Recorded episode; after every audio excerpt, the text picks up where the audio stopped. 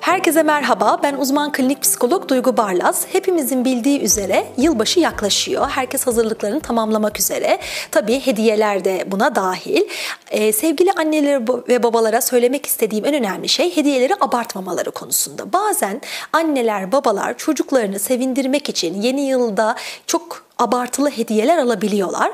Ancak doğum günlerinde de olduğu gibi, karne durumlarında olduğu gibi gene yıl başında da hediyelerin abartılmaması gerekiyor. Çünkü aslında yeni yılda yapılması istenilen şey aslında paylaşımı öğretmek çocuğa, paylaşım becerilerini arttırabilmek. Ufacık bir kupa alınması, bir saat alınması ve yani bir ufak bir bluzun alınması bile aslında yeterli olacaktır. Burada önemli olan bir ailenin bir araya gelmesi, beraber sohbet etmeleri, yeni yılı beraber karşılamaları ve güzel dakikaları ve hediyeleri paylaşmalarıdır. Aslında burada temel tema paylaşımdır. O yüzden neyin paylaşıldığından ziyade nasıl paylaşıldığı, nasıl bir arada olunduğu çok daha önemlidir. O yüzden yılbaşında lütfen hediyeleri abartmayalım, makul ölçülerde tutalım.